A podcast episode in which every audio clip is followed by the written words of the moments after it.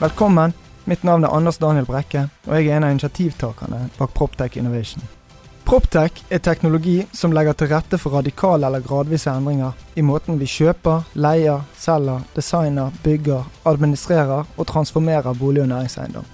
Felles for alle aktørene for å forbli relevant er hvordan man utnytter mulighetene som ligger innen innovasjon, teknologi, samhandling og digitalisering. Men hva betyr dette egentlig for aktørene? Proptech Innovation er en næringsklynge innen eiendomsteknologi. Med denne podkasten skal vi innom ulike deler av verdikjeden. Vi skal finne ut hva disse driverne faktisk betyr. For de etablerte aktørene, for bransjen, forretningsmodellene og verdikjedene. Hvordan vil Proptech endre bransjen, og hvordan ser eiendomsbransjen ut i 2030? Hjertelig velkommen til ny episode med Proptech Innovation Podcast. Eh, Anders Daniel Brekke her.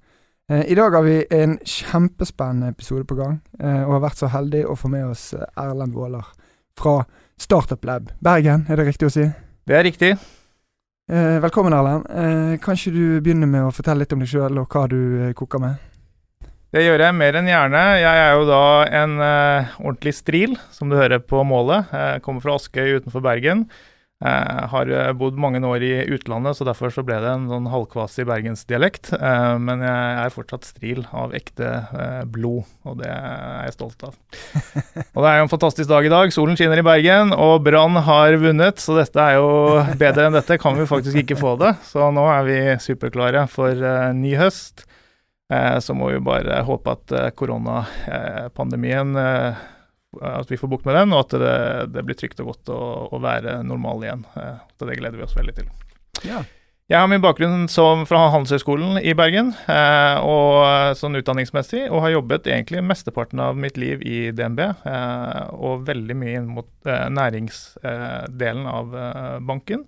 Eh, og, har, og kom liksom over dette oppstart- og gründermiljøet sånn eh, rundt 2013-2014. Og syns dette var et veldig spennende område for byen vår, eh, og ikke minst eh, et spennende område å få lov til å være med og jobbe og, med selskaper som skal danne det nye næringslivet, det som vi skal liksom leve av i fremtiden. Så for ett og et halvt år siden så fikk jeg lov til å dra i gang Startup Lab Bergen. Eh, bygge et nytt inkubasjonsmiljø i byen vår. Eh, og det ser jeg på som et privilegium. Eh, veldig, veldig spennende å få lov til å være med på det. Eh, og vi er så, så vidt i gang, eh, men eh, eh, synes at vi liksom eh, Og håper at vi klarer å ta noe nytt eh, inn til byen. ja, bare for ordens skyld, hva er et eh, inkubasjonsmiljø? Ja. Eh, en inkubator eh, Jeg pleier ofte å sammenligne det med en kuvøse. Eh, for når et barn blir for tidlig født, så um, vet ikke det at det kanskje det trenger en riktig temperatur eller et, uh, riktig O2-metning for å øke sannsynligheten for å overleve. Men i, i en kuvøse så får den et miljø som gjør at sannsynligheten for at barnet overlever, er større enn hvis det ikke hadde hatt den kuvøsen. Og litt sånn er vi. Vi skal være et sted som skal hjelpe til å se hva er det dette selskapet trenger. Hva er det de ikke ser av utfordringer? Eh, men samtidig så er vi helt avhengig av at hjertet slår. Altså Barnet har liksom fått utrusta en del tekniske og, en del egenskaper som gjør at det må virke. Og sånn er det med selskapene òg. Det må være en egen drivkraft i hvert enkelt selskap. Eh, men vi kan være med å rettlede ut ifra den erfaringen vi har med det å bygge selskap, det å finne første kunde, det å, bygge, det å hente kapital. Eh, så vårt miljø skal være en sånn trygg havn eh, hvor, hvor selskapene skal være trygge på at eh, vi er opptatt av at de skal lykkes. Og det er vårt hovedfokus. Vi har mantraet 'founders first' som det, det ultimate og det viktigste parameteret. Vi skal alltid på en måte tenke på hva som er viktigst for gründerne når vi jobber med dem. Ja, og det er litt spennende, for jeg snakket med noen andre i eh, innovasjonsøkosystemet i Bergen og, om Startup Lab, og de sa det at eh, dere er ganske nådeløse på dette med Founders First. Mm. Uh, så fortell litt mer om Jeg har noen eksempler på det som beviser det, på en måte. Nei, altså, jeg tror jo at um, Jeg pleier ofte å si at det finnes tusenvis av ideer, og mange tror liksom at man endelig har funnet en idé, så har man funnet, uh, funnet skutt gullkalven og skal tjene seg rik på det. Men det er, det er, ikke mangel på ideer i verden, eh, men det er mangel på gjennomføringsevne. Mm. Og Det ikke, det er ikke nedlagte arbeidstimer nødvendigvis, eh, men det er evnen til å sette sammen et team eh, på en slik måte at man klarer å finne, altså skape et produkt som finner et marked som noen er villig til å betale for. Og det er kjempekrevende, og det er ikke opp til alle. Og det, det betyr også at vi må sørge for at vi hele tiden utfordrer selskapene i de viktigste spørsmålene, så handler det om hvem kunden faktisk er. Altså hvor er de som faktisk er villige til å putte ekte penger på bordet for å kjøpe varene. Ja, og Det sier vel uh, statistikken også nå, at de, den største årsaken til at selskaper korrigerer meg gjerne, mm. eller, uh, er jo ikke at, man, ikke at man går tom for penger. Den er vel nummer to eller tre. Men det viktigste er at det er ikke betalingsvilje for det du har lagd, eller den løsningen eller den, det verdiforslaget som man har. Nei, man evner ikke å, å finne de kundene som, som, faktisk ønsker det i, nok, i stor nok monn til at du kan bygge en repeterende inntektsprofil på, på, selskapet. Mm. Og det er, det er, det alle selskapene sliter med. Og de aller fleste selskapene som kommer inn til oss, de er utrolig flinke på det de skal bygge. Og, og det, der har vi veldig lite å tilføre rent sånn teknisk og de kan som oftest veldig mye om akkurat det de skal bygge. Mm. Eh, og så prøver vi å guide de og, og rettlede de, sånn at de, de, i størst mulig grad klarer å finne det markedet da, som er der ute. Eh, og så er det ikke alltid at det er et marked, og av og til så er man for tidlig, og av og til så er man for sein. Um, men vi skal prøve å bevisstgjøre selskapene i jaget etter å finne det markedet og de, de kundene. Så det er det vi bruker eh, aller, aller mest eh, tid på. Og så har vi jo også eh, Det ene liksom, er jo liksom markedsforståelsen, og så jobber vi også på kapitalsiden. Så har vi, vi har litt egne, altså samlet litt uh, investorer i et eget uh, investeringsselskap uh, som investerer i selskapet. For kapital er også en viktig faktor for liksom å få, få vekst. Og så har jo vi i vår modell jobbet veldig veldig tett med etablert næringsliv. Eh, mm. og det er jo kanskje den andre elementet som er veldig viktig for oppstartsselskaper. Det er jo liksom å finne første kunde og bli utfordret av noen som har en sånn modell som de er på jakt etter, hvor de tjener penger og det er repeterbart og, og de har en, en, en god struktur. Eh, og i det, i det spacet mellom det etablerte og det nye, så ser vi veldig masse spennende potensial. Uh, både for, de, for, det etablerte næringsliv, men, men også for, uh, for, de små. Ja, for man sier jo det at uh, Det er gjerne en klisjé, men det er alltid mye sannhet i gode klisjeer. at du må ha en krevende kunde med deg, og at det er et viktig milepæl og et steg på veien. man har noen erfaringer hvor dette har fungert bra, og hvor det ikke fungerer. Og hvor står egentlig det etablerte næringslivet i forhold til å både evne å ta dette med til å klare å samarbeide med startups som kommer med nye løsninger, sånn, men det er forskjell på vilje og evne. Ja, og her tror jeg alle organisasjoner er veldig forskjellige. Og, og som, som, i alt annet i, i, i, verden, så er det veldig personavhengig. Så man ser de organisasjonene som har eh, individer som på en måte virkelig eh, er frempå eh, på dette området. Eh, det fungerer, kan fungere kjempebra så lenge man har de, og så plutselig skifter det interne organisasjonsendringer, og så skjer det skift som gjør at fokuset blir annerledes. Uh, men eh, det beste eksempelet som, som, jeg har, er vel kanskje fra DNB, som, som jeg jobbet med, som jobbet i tidligere, og som, veldig, som har en veldig fremoverlent organisasjon knytta til uh, ekstern innovasjon, det å jobbe med eksterne selskaper som hadde tett samarbeid med, med et chat, chatbot-selskap, eh, hvor de fikk testet teknologi som ikke de hadde, hadde helt oversikt over, eh, over, selv, med et veldig ungt selskap. Som gjorde at eh, samtidig, det, det, små selskapet fikk jo da liksom stresstestet sin, sin teknologi, men kanskje noe av Norges mest krevende kundeservice-sider. Mm. Um, hvor utfallet var en, en veldig sånn god dynamikk mellom begge to, hvor begge gikk ut av samarbeidet kjempefornøyd.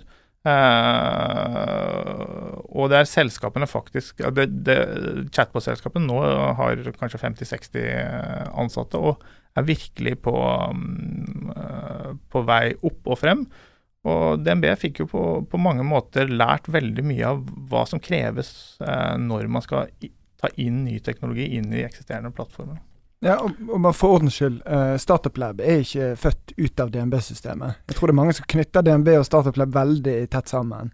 Nei, Det er helt riktig. Startup Lab er, eh, ble startet av Alexander Voksen, uh, som gründet uh, selskapet i 2012 sammen med etter hvert flere andre gode kollegaer, og er et selvstendig selskap eh, som, som, kun har en veldig god partnersamarbeid med DNB og 20 andre av Norges ledende selskaper innenfor veldig mange ulike næringer.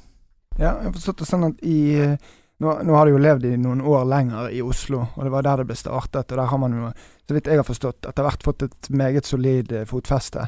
Eh, men eh, hvordan eh, har Bergen respondert på Bergenskontoret? Og er det krevende og vanskelig å få med disse selskapene? Etablerte selskaper? Vi har jo fått en fantastisk velkomst av, av Bergen, og med både GC Riber og, og, DNB, som var på en måte de som dro lasset. Eh, og så tror jeg at, at, alle må bli kjent altså vi må bli kjent med hverandre. Vi må forstå hva, det, hva verdi kan vi tilføre. Mm. Uh, og det jobber vi med beinhardt hver dag, både i forhold til de selskapene som sitter hos oss, uh, og ikke minst imot partnere. Uh, og der har vi jo flere initiativer. Nå har vi jo nettopp satt i gang 2030 i Bergen, som er et prosjekt for å egentlig hjelpe næringslivet med å nå Eh, de ambisiøse bærekraftsmålene som både fylket og kommunen har satt. Um, og, det, og, det, handler egentlig om å, å, hjelpe dem å definere hva er deres hodepiner. Altså, fylket har jo sagt nullutslipp innen 2030, og, og, kommunen har vel sagt fossilfritt innen 2030. Uh, men det er ekstremt ambisiøse mål for næringslivet vårt. Og hvordan skal de faktisk klare å nå det målet? Så Det er et prosjekt som går i gang nå i, i, høst, hvor vi inviterer da eh, alle egentlig til å være med og løse de problemene for næringslivet. Så Det blir en sånn søknadsrunde i slutten av september, begynnelsen av oktober, hvor eh, hvermannsen faktisk kan da søke seg til å være med å løse problemene som de store selskapene har. Får man gode kandidater? Er det smarte smarte, flinke folk som ønsker å være med og søker på å være med i, i å løse de problemene? Ja, Vi er jo kjempespent på det, for det er første gang vi gjør dette. Men, mm. men, men historien viser jo både i forhold til liksom hackathon som har vært kjørt opp igjennom, og andre typer arrangementer, så, så er det veldig mange som ønsker å være med å løse problemer. Og så tror vi veldig på den modellen vi har bygd opp nå, hvor vi faktisk får eh, næringslivet til å definere konkrete problemstillinger eh, på forhånd, sånn at det er veldig tydelig hvilket problem de ønsker å løse. Eh, og da eh, tror vi at vi vil få veldig motiverte søkere som faktisk ønsker å løse det konkrete problemet som er presentert. Ja, for Via Proptech Innovation for ca. et år siden så kjørte vi et såkalt innovasjonsmesterskap sammen med høyskolen. Eh, men da var det jo greit, for da hadde vi jo tilgang på studentene. Hvor òg tre aktører kom med to problemstillinger hver. De kunne velge om de ville løse de problemstillingene i team, eller om de ville finne på noe annet, så lenge det var innenfor eiendomssegmentet i en eller annen grad. Uh, og det var utrolig spennende hva de studentene klarte å få til på, uh, på en uke der, altså. Uh, å bygge en case og grad av verifisering og det å selv evne å sette sammen et team som faktisk kan fungere. For vi har fokus på det at nå må ikke vi sette sammen kun ingeniører, for da mm. blir det fort ingeniører lager løsninger for andre ingeniører. Uh, og fungerte overraskende bra. Det ble veldig spennende, de uh, initiativene eller løsningene som ble lagt på bordet der. Så, så, dette her kan jo åpenbart fungere hvis man uh, får med seg de riktige folkene, og de riktige folkene søker. Ja da, og her er det både teknologer og bærekraftsressurser som kommer til å være med. Og så er det det spennende med dette prosjektet er jo at vi har også krevd at partnerne stiller med egne folk inn mm. i prosjektet. sånn at på den måten så sikrer vi at eh, kompetansen som ligger i bedriften og eierskapet til problemstillingene som er presentert, eh, blir en viktig del av eh, veien videre. Og kanskje, altså Vårt håp er at det aller viktigste er jo at dette problemet, hvis det kommer en interessant løsning, har større sannsynlighet for at det blir tatt videre. Mm. Den største utfordringen med hackathons er jo at det blir masse gode ideer, og så blir for mange av dem liggende i en skuff. Mm. Eh, så vi har prøvd å liksom prøve å tenke hvordan kan vi sørge for at det faktisk blir tatt tak i, at det skjer noe. Um, så, så, vi har veldig store forventninger til, um, til prosjektet. Um, og er en viktig, del, vikt, viktig, bidrag for vår del til måte hjelpe næringslivet å komme et tak videre. Og så har vi et drøm om at det også skal eh, bli dannet noen nye selskaper mm. ut av prosjektet. Da. sånn at det også genererer eh, nytt næringsliv. Ja, Det er ikke noe hemmelighet at eiendomsbransjen eh, står for en stor del av CO2-utslippet.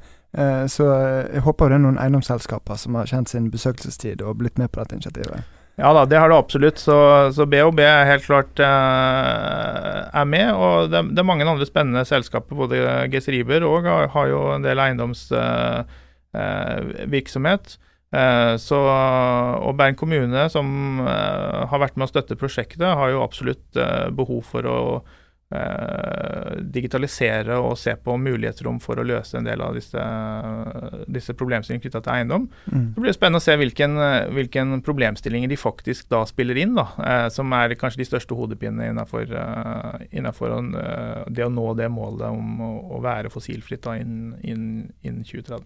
Ja, så Vi kan egentlig bare komme med en oppfordring da, om at Bergen 2030, eh, det bør egentlig de aller fleste følge med på. Det bør de aller fleste følge med på. Jeg tror det ble en superspennende eh, utgave av dette i, uh, i oktober. Ja. Uh, kult. Uh, vi snakket om inkubasjon. vi har snakket en del om Startup Lab og initiativene deres. og Det er helt sikkert mange lurer på. man har hørt om inkubatorer, og så har man hørt om akseleratorer. hva er en akselerator for noe? Nei, Jeg pleier av og til litt spøkefullt å si at akselerator er inkubasjon på speed. Eh, og da er egentlig tanken at vi skal hjelpe selskapene eh, litt ekstra, både med kapital. Så alle som er med i akseleratorene våre, de får en investering av, eh, av Starter Lab Founders. Mm. Eh, og, og så dytter de ekstra hardt i en tremånedersperiode for å prøve å hjelpe de å akselerere. Så da dytter vi egentlig på fullt av ressurser, både egne, men ikke minst nettverket vårt. Og det er kanskje en av de viktigste elementene som vi bruker ganske aktivt. Det er jo nettverket vårt rundt alle de menneskene vi, vi kjenner, både fra tidligere arbeidsgivere til, til uh, kjente som vi har opparbeida oss over tid. Og prøve å se hvordan kan vi hjelpe dette selskapet fortest mulig å få traction, og finne kunder og bygge produkt. Ja, og det er jo litt av mantraet og årsaken til at næringsklynger, og i så måte også Proptech Innovation, fødes eh, og blir lagd. Det er jo for å oppnå eh, disse eh, kryssammenhengene, og disse, eh, at man samarbeider med, med, folk man gjerne ikke har tradisjon for å samarbeide med, og man gjør ting på en annen måte, og man evner å tenke nytt, og man bygger kompetanse. og eh, I så måte så er jo Startup Lab da, en veldig viktig del av et slikt økosystem for å kunne få det til å fungere så optimalt som mulig. Ja, klyngene er kjempeviktige, og de, jo, de, jo, de har jo kjernekompetansen på den bransjen de, holder, de, er en del av. Eh, og det kommer vi aldri til å ha. Eh, og vi er veldig bevisste på det at vi, vi skal mer ha vi skal legge til rette for at eh, teknologigründerne eh, har det best mulig. Og så må vi søke samarbeid med klyngene for å forstå eh, bransjekompetansen. Da. Forstå hvordan skal et sånt, altså et, Proptech-selskap f.eks. gå inn i eiendomsbransjen best mulig. Hvilken partner bør han se etter? Hvem er det som er mest fremoverlente? Hvem er det som har interne eh, innovasjonsavdelinger som gjør at det, det, er lett å komme inn på riktig nivå? For dette, det aller største utfordringen til en oppstartsselskap, det er jo å finne riktig person innad i et stort konsern. Mm. Eh, for det er ikke enkelt. Eh, og jo større konsernet blir, jo vanskeligere blir det. For det er så mange som har lyst til å, å snakke med de og prøve å forstå, eh, men hvem er det som faktisk er med å skape verdi for selskapet? Det er, det er det mest krevende. For i et stort selskap så har man alltid mye bedre tid enn i et lite. Ja. og det er veldig vanskelig og det er veldig vanskelig for de store å forstå. Mm. At det liksom å utsette et møte, et møte med tre uker, det kan være helt det kan være døden, det. Det kan være døden, det. Ja. Så, så, det å få den farten opp og, og, den jobben gjør jo vi ganske aktivt med de partnerne som er partnere hos oss. Mm. At vi prøver å finne de rette individene internt i organisasjonene som kan gi oss kjappe svar, og som vet at når vi tar kontakt, så skjer det noe. Mm. Og det er en verdi som, som, selskapene som sitter hos oss har, eh, som jeg tror de setter veldig, veldig pris på. Ja. Eh, jeg husker eh, jeg møtte et selskap som heter Skyline AI. Eh, innenfor eiendomsbransjen, Proptech-selskap, som hadde laget en teknologi hvor de egentlig de samlet data fra 125 datakilder. og så eh, hadde de algoritmer og maskinlæring og kunstig intelligens på dette, som gjorde at man fikk et mye bedre beslutningsgrunnlag i forhold til å kunne eh, verifisere eh, verdsettelsen på bygninger på Manhattan. Mm. Eh, og dette var jo helt groundbreaking og fantastisk, og det ene med det andre. Det som var litt interessant, var at de var fire gründere. Eh, selskapet hadde levd i 14 måneder når vi møtte dem, og det er de egentlig grunnen til at de møtte oss. Det var fordi at de så for seg at de skulle jobbe med oljefondet. Eh, eh, men det som var veldig interessant, var at i det tilfellet, eh, av alle fire gründerne, så hadde de ved oppstart null kompetanse på eiendomsbransjen. De var veldig eh, digitalt og teknisk eh, begavet og hadde høy kompetanse på det, men de hadde null bransjekompetanse. Og har liksom i løpet av 12-14 måneder bare feid over eiendomsbransjen, og egentlig lagd et verktøy som redefinerer og disrupterer hvordan man skulle investere i mm. eiendommer mm. eh, i USA. Mm. Eh, så hva tenker du om det? Eh, sånn kommer utenifra og ikke ha noe bransjeforståelse, og det å lykkes, versus å ha tung bransjeforståelse, og så lykkes. Det, det, er gjerne også viktig å tenke på når man skal sette sammen disse teamene for å faktisk løse de problemene. Ja, jeg tror du er inne på noe veldig viktig. Det er å liksom finne ut hva er jeg sinnssykt god på. Så, så, når du er sinnssykt god på å bygge tech, eh, så kan du bygge veldig mye forskjellig. Eh, men da er det tilbake til å forstå hvor, hvor er markedet og hva er det som trigger deg til å gå mot et konkret marked. Og så oppdager du plutselig at du finner eh, et styremedlem, eller du finner en eller annen som har skikkelig kompetanse på bransjen. Og, mm. og, og det kan hende at det er det enkleste, for det, det er tekken å forstå hvordan eh, de valgene man skal gjøre innenfor det å bygge dette produktet, som er det utløsende for at man skaper verdi. Eh, så, så, jeg tror at uh, Litt tilbake til det, masse gode ideer, men det handler om gjennomføringsevne. Sant? Så Hvis man er fire stykk da, som er utrolig gode på å bygge noe, men samtidig flinke til å finne ut hvem, hva er det vi mangler, mm. hva kompetanse er det vi mangler, og hva som skal til for å lykkes med dette produktet, jo, da må vi ha eh, kompetanse på eiendom sånn og, og, og, marked sånn. Og hvis vi får de to eh, on board, så løser dette seg. Og da, da, er det liksom Det er den evnen til å spotte disse teamene med gjennomføringsevne. Og ofte så er det Det er klart at det å ha veldig god kontroll på, på byggeteknologi, det er en kjempefordel. Mm. For da kan du sette fart. Fra idé til på en måte første prototype eh, kan gå ekstremt raskt. Eh, og da kan du få tydelige tilbakemeldinger fra kundene dine på treffer du eller treffer du ikke. Og hvis du er flink til å lytte da, så kan du svare på egentlig kanskje de aller viktigste spørsmålene her. Hva skal til for at du kjøper dette produktet? Ja, er det en utfordring at gründerne blir for grådige i starten? At de skal gjøre alt sjøl, og de er livredde for å vanne seg sjøl ut for tidlig osv.? Eh, eller fungerer dette ja, etter ditt syn ok? Eh, dette fungerer i, i alle dimensjoner, som, som, resten av verden. Vi er forskjellige eh, sammensatt. Vi er nok veldig opptatt av at gründerne, gründerne skal være godt insentivert, og vi tror det er helt avgjørende for at selskapet kan lykkes. Så vi er nok de som heier mest på at de skal få beholde størsteparten av eierandelene i selskapet. For vi tror at den indre drivkraften og den, og den motivasjonen de får ved å ha det, den er ekstremt viktig i hele løpet. Og det er ofte det man, man, glemmer litt, at når man skal bygge et selskap, så bygger man det i ulike faser, og man skal hente kapital i ulike faser. Men man er fortsatt helt avhengig av gründerne i, i store deler av det å bygge, bygge, virksomheten. Og da må de være insentivert, og de må føle at det er de som bærer det. Eh, for hvis, hvis en investor eller et stort selskap plutselig blir for dominerende eier i et selskap, så begynner gründerne å si at ja, men det er ikke mitt problem lenger. Nå er det noen andre som må ta tak i dette her. Jo, det må være gründerens problem hele veien, og de må kjenne at dette er mitt, eh, mitt prosjekt. Ja, det blir litt sånn eh, Petter Stordalen sier, at eh, har du et lån på ti millioner, så er det ditt problem, og har du på en milliard, så er det banken sitt problem. Ja. det blir litt det samme. Men det jeg mente var, var egentlig at, at gründeren, la oss si det er én eller to stykker, så tror jo jeg veldig på at verden hadde vært et bedre sted, og flere bedrifter hadde lykkes hvis man hadde hatt en større grad av selvinnsikt. Både på ledernivå, men på alle nivåer, egentlig.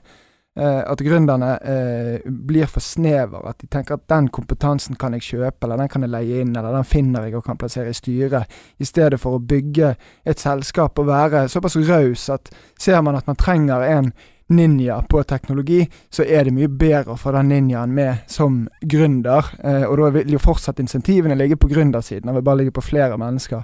Eh, men at man evner å se det at den spisskompetansen og den kjernekompetansen, den må jeg faktisk knytte så tett til masten at jeg eh, må gi dem nok insentiver til at de også er med. Ja, jeg tenker jo at, at, det å være gründer det er jo litt sånn ekstremsport. Så vi må ha litt respekt for at den situasjonen de sitter i De har på en måte gjerne ofte sagt opp en jobb. Eh, eh, lagt hodet på blokka og sagt at jeg skal skape det helt nye. Det er en ganske ekstrem situasjon å sette seg selv i. Eh, og, og det, det, gjør at alle valgene er ikke nødvendigvis rasjonelle eller, eller godt begrunnet, eller, eller, er de riktige. Eh, og det er jo litt eh, der vi kommer inn og, og, og prøver å hjelpe de liksom, å utvide perspektivet da, på de valgene de tar. Og, ok, Skal du kjøpe tekken din fra Polen, eller burde du egentlig ansatt en CTO? Mm. Eh, eller burde du finne en løsning? Og så ofte, ofte er det kapital som er problemet. Sant? Eh, og, og, det bringer meg liksom tilbake til gjennomføringsevne. Det er, det, er, de teamene og menneskene som klarer å se hva er det som er helt kritisk ressurs. Og Jeg skal ikke ansette en ny selger før jeg har produktet et hakk videre, eller motsatt. Mm. Jeg må ansette en selger. Produktet er godt nok.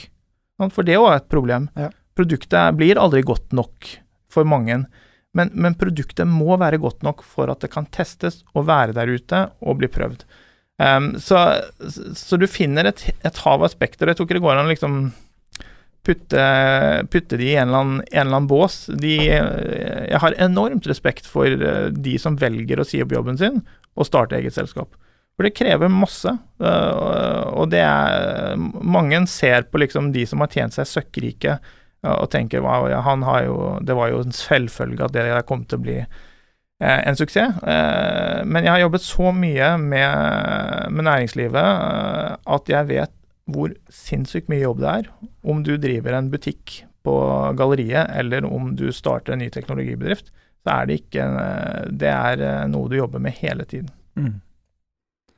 Ja, eh, veldig spennende. Eh, la oss snakke litt Proptech. Ja. Eh, jeg vet jo at, eh, som du har nevnt her, eh, Startup Lab er jo eh, har ikke noen klare vertikaler eller noen spesifikke områder som man prioriterer over det ene eller andre. Det, vel, det viktigste er vel det tech-drevet, mm. det som skal drives med.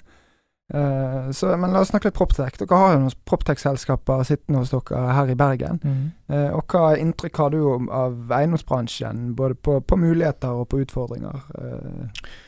Nei, jeg tror jo Eiendomsbransjen er jo en bransje som mange andre som utfordres av kundene sine på å tenke nytt og tenke bedre og være mer effektiv. Tror, og, det er bra. Merker, vi merker jo også en, en, større aktivitet også fra eiendomsselskaper som er nysgjerrige på ny teknologi. Eh, og det De har nok vært i en sånn, sånn særklasse eller ikke særklasse, men en, en, god, en, god, situasjon hvor det er, liksom, det er, kapital, det er mye kapital i eiendomsmarkedet. Det er, det er, veldig tydelig hva du kjøper. Du får et fysisk produkt som er stort, og, og, og vi som forbrukere vi kjøper noe veldig sånn håndfast. Eh, men så tror jeg at uh, selskapene merker at kravene til forventningene til kundene blir større og større. Og det er med å dytte de i en mer digital uh, verden. og det gjør det spesielt godt på et av selskapene sitt, som er Bygger, som er med å, å legge til rette for at, at, kommunikasjonen mellom både sluttbruker og, og byggherre og um, leverandørene går mye smoothere. Tilvalgsmodulen når du skal bygge, når du skal kjøpe ny, hvor du skal ha lys og armaturer og hvordan du skal liksom innrede ting. Og så blir det en mye bedre kundeopplevelse, da, for dette, jeg som er egentlig den sluttkunden, da, forstår med liksom, systemet hvem er det som uh, løser hva. Uh, det blir på en måte ikke bare BOB da, som jeg skal forholde meg til, men, men jeg forstår at ok, her er det mange andre underleverandører, og hvis jeg bare er flink nå og, og følger dette her, så er det naturlige fremskrittene i prosessen slik at jeg til slutt får et produkt som jeg er mye mer fornøyd med, enn hvis jeg hadde brukt penn og papir eller uh, det som brukes i dag. Jeg tror bransjen er, uh, som alle andre bransjer, uh, blir utfordret av kundene. Og det har jo med at vi har mye mer informasjon i dagens samfunn. Mm. Vi kan google oss opp til det aller meste.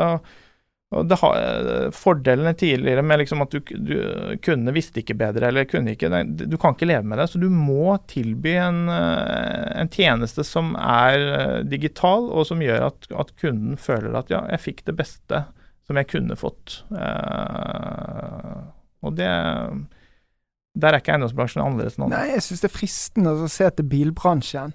For klart Når Tesla kom inn, så skjedde det noe. Ja. For der kan du digitalt bygge din egen bil. Uh, tre ting. Du forstår hva du faktisk kjøper. Mm. Du kan gjøre det helt på egen hånd, og du kan kjøpe den der og da. Versus slik det fungerte tidligere, at du satt med en person som han var avhengig av at du stolte på han, og du ble på en måte avhengig av at dette kan han. Eh, og Så ble det sånn tillitsforhold mellom deg og han, der han listet opp en haug med greier som du ikke klarer å forholde deg til, for jeg, jeg kan jo ikke bil. Eh, jeg skal ha et fremkomstmiddel jeg fra A til B. Eh, mens Tesla kom jo inn og disrupterte egentlig også salgsprosessen mm. på hvordan selge ny bil. Som gjerne mange ikke tenker på at det var bare at de var først ute, og at bilene var kule, og at det var strøm og rekkevidde og ladenettverk. Men også den salgsprosessen tror jeg er en stor del av æren mm. Til eh, at de har fått subtraction som de eh, etter hvert har fått til. Og ikke minst da verdien av alt man lærer av at man har data på hvor kundene faller fra, og fra, hva valg de gjør, og hvordan dette kan optimaliseres osv.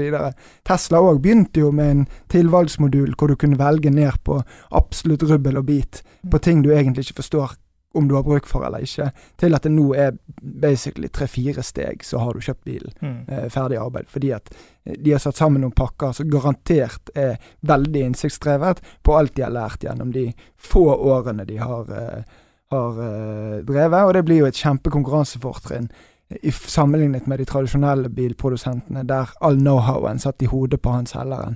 Uh, ja, og så tror jeg kanskje det, det, som er aller største fordelen til et selskap som Tesla, da, det er på en måte de bygger dette her i, eh, i, en fase hvor de bygger det basert på en digital løsning. Mm. Mens alle de andre de har hatt det manuell og selgere, og så må de snu på den. Og, og det er jo kanskje den største utfordringen til eiendomsbransjen og andre bransjer, er jo at det, det, er masse legacy, mm. spesielt på IT-siden. Mm. Og jeg kommer fra bank og vet liksom Det er enorm legacy fra IT-siden.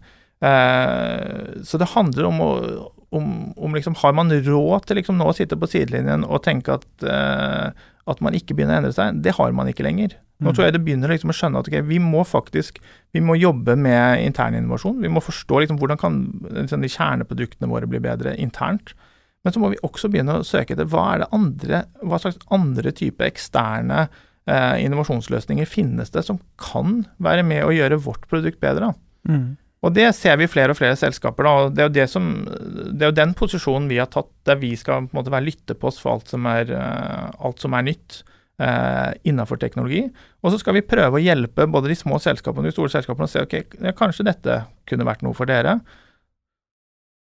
Og så kommer de kanskje tilbake nei, dette, var, dette funker ikke for oss, det, dette passer ikke inn i forretningsmodellen vår, eller vi får ikke dette til å stemme. Eller det kan være ja, dette er superspennende, dette vil vi lære mer om, vi må forstå.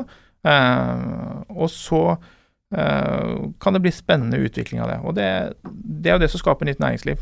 Så. Ja, og det, jeg husker tilbake til når jeg jobbet som konsulent. så Da var vi på det stadiet at vi måtte prøve som konsulenter å overbevise kunden om at du trenger ikke en digital strategi, du trenger en strategi for en digital verden. Det er to forskjellige ting, mm. for dette henger så tett sammen. Hvis mm. ikke du ser forretning og teknologi som to sider av samme sak, så vil du ikke lykkes på sikt. Mm. Eh, og så lå det en del parametere bak dette. så Teknisk gjeld, åpenbar. Veldig mange etablerte mm. som Jeg har hørt noen rykter om at hvis du hadde sett IT-arkitekturen som ligger under nettbanken til de store norske sparebankene, så hadde du revet av deg håret. For det er så mye kompliserte greier og så mange uh, lappetepper at du nesten ikke tror det. Men vi hadde teknisk gjeld, og så har du organisatorisk gjeld. Mm. Uh, og så kan vi egentlig, Basert på det du sier nå, så kan vi jo si at man har også en, en nettverksgjeld. Mm. Altså man, man må evne å tilknytte seg nye måter å se verden på via type eh, startup lab, eh, andre innovasjonsmiljøer. Eh, og, igjen tilbake til dette å samarbeide med, med, andre som man ikke har tradisjon for å samarbeide. Så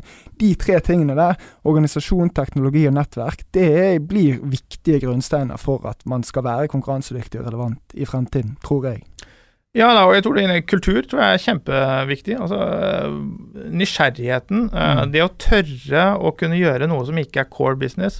Eh, I hvert fall eh, finne ut av hva kan dette bety for oss. Det krever at man liksom går utenfor husets fire vegger og faktisk ser hva som finnes der ute. Mm. Og så lenge man på en måte sitter inne i det eksisterende, så blir det de samme, samme relasjonene.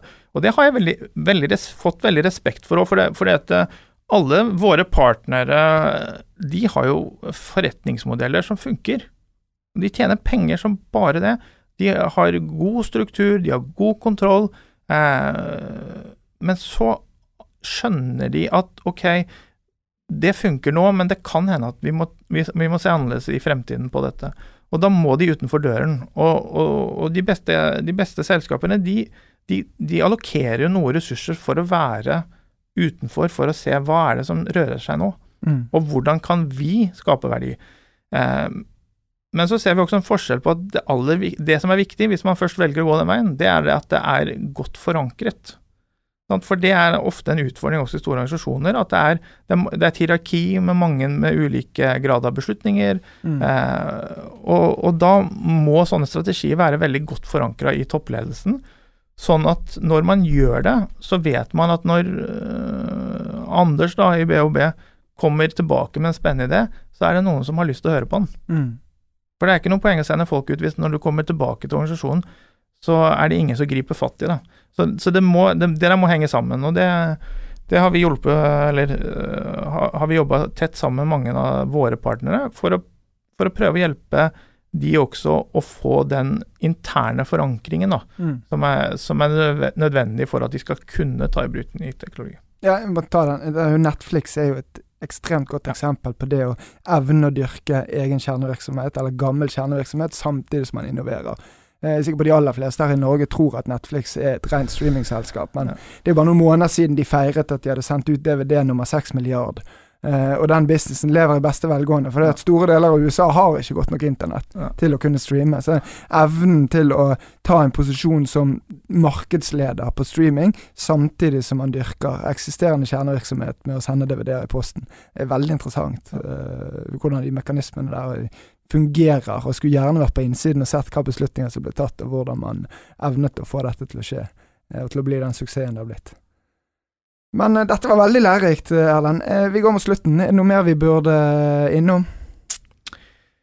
Nei, jeg, jeg syns jo det er utrolig mye spennende som skjer i byen vår uh, for tiden. Og, og det, det gror både nye selskaper uh, Det er økt fokus på, uh, på innovasjon i, i alle bedriftene som er i, i regionen, regionen vår.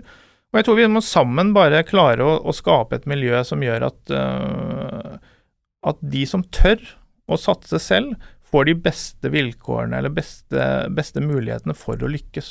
Uh, så det vil jeg egentlig bare oppfordre alle til å, å benytte sin kompetanse og ikke minst sitt nettverk til å være med og bidra for at, um, at unge selskaper faktisk lykkes. Og hvis de får en telefon fra et ungt selskap, så, så håper jeg at de, de bidrar eh, med det, den kompetansen de har. For det, det blir viktig for Bergen, og det blir viktig for Norge å skape nye arbeidsplasser. Ja, Hvis vi ser en, litt inn i glasskulen, da, eh, med ditt utgangspunkt og ditt syn på verden, hvor, eh, hvor er vi i 2030? Eh, Sett vekk fra Bergen 2030, dette her. Nei, jeg, jeg tror nok ikke Bergen ser sånn, ser sånn veldig annerledes ut. Eh, vi har jo noen veldig sterke næringer som kommer til å være dominerende. Eh, men jeg håper vi har et, et, et eh, mye sterkere eh, entreprenørskapsmiljø. Eh, og jeg, jeg håper også at vi har, og jeg tror vi har noen skikkelig eh, gode eh, suksesscaser eh, med teknologigründere som har gått internasjonalt. Mm. Eh, og det Innen 2030 så tror jeg at vi skal være der, og det er viktig for byen vår. fordi at det, eh, det å skape eh, man, man ser jo historisk på at de som har klart å skape gode selskaper, de skaper gjerne nye. Så den ringvirkningen av at noen har hatt suksess, det skaper, det avler flere suksesser. Du ser det bare på Spotify, at, Mm. at alle som har hatt en del av den kaken, det er kanskje gjerne 100 personer eller 200, jeg vet, ikke vet jeg, som, som, går, som sier at jeg var med og gründet Spotify, eller jeg var med på reisen, de går inn i nye selskaper, og de får en helt egen drive. Samtidig så har de lært masse, så de har Mm. utrolig mye erfaring på feil, feile valg, feile prioriteringer. Tilbake til liksom valget om skal du ansette en selger, en tekniker altså, Og alle de vurderingene der, de, de trenger vi eh, flere. Vi trenger flere sånne mm, mennesker i byen. Ja, så Hvis vi skal oppsummere, så kan vi jo si at Bergen er jo, eh, om ikke best i verden, så i hvert fall best i Norge på å heie. Og vi burde heie mye mer. For hvis noen i Bergen virkelig virkelig får det til, så vil det til syvende og sist gagne alle. Både på kompetanse, men også det at kapitalen man da skaper, vil jo bli sluset inn igjen i ny forretning eh, med et helt annet mindset enn der kapitalen sitter i dag, f.eks. Ja, vi må få med oss Storestå eh, inn i eh, entreprenørskapsmiljøet, og ikke minst i næringslivet, for å hjelpe oss å heie enda bedre på ny, nye selskaper. Veldig lærerikt, eh, veldig kjekt. Tusen takk for praten. Erlend. Takk for at jeg fikk komme.